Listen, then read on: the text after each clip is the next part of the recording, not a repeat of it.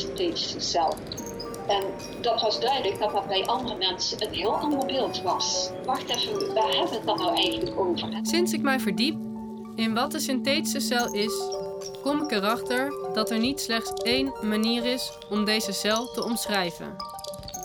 Eigenlijk bestaat deze cel nog niet eens. Maar waarom willen we die eigenlijk hebben? Ik wil gewoon uh, begrijpen hoe het leven werkt, punt. En dit is een manier om daar uh, een bijdrage aan te leveren. En waarom moeten we het hebben over de gevolgen van iets dat er nog niet is en misschien wel nooit gaat komen?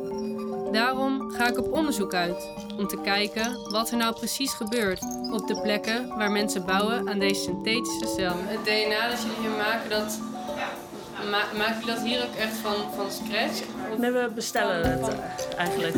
ja, je kan het, het is gewoon niet in de En hoe een internationale groep mensen hierover denkt. Ik ben Mies Loogman en dit is Herschept. Een serie die een genuanceerde blik werpt op het Nederlandse onderzoek naar hoe het leven werkt.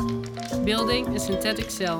Thank you very much. Kira, that was very clear and I think so. What are we going to do today? So great that you are all here. Een serie waarvoor ik al een jaar lang interviews luister, panelgesprekken bijwoon, boeken en ingewikkelde artikelen lees, zodat jullie dat niet meer hoeft te doen.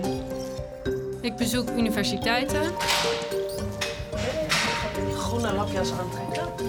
Ja. Bent. Nou, het lijkt bijna op mijn normale jas. en maak digitaal kennis met wetenschappers vanwege corona. Op zoek naar een antwoord op de vraag: hoe kunnen we de invloed van kunstmatig leven tastbaar maken?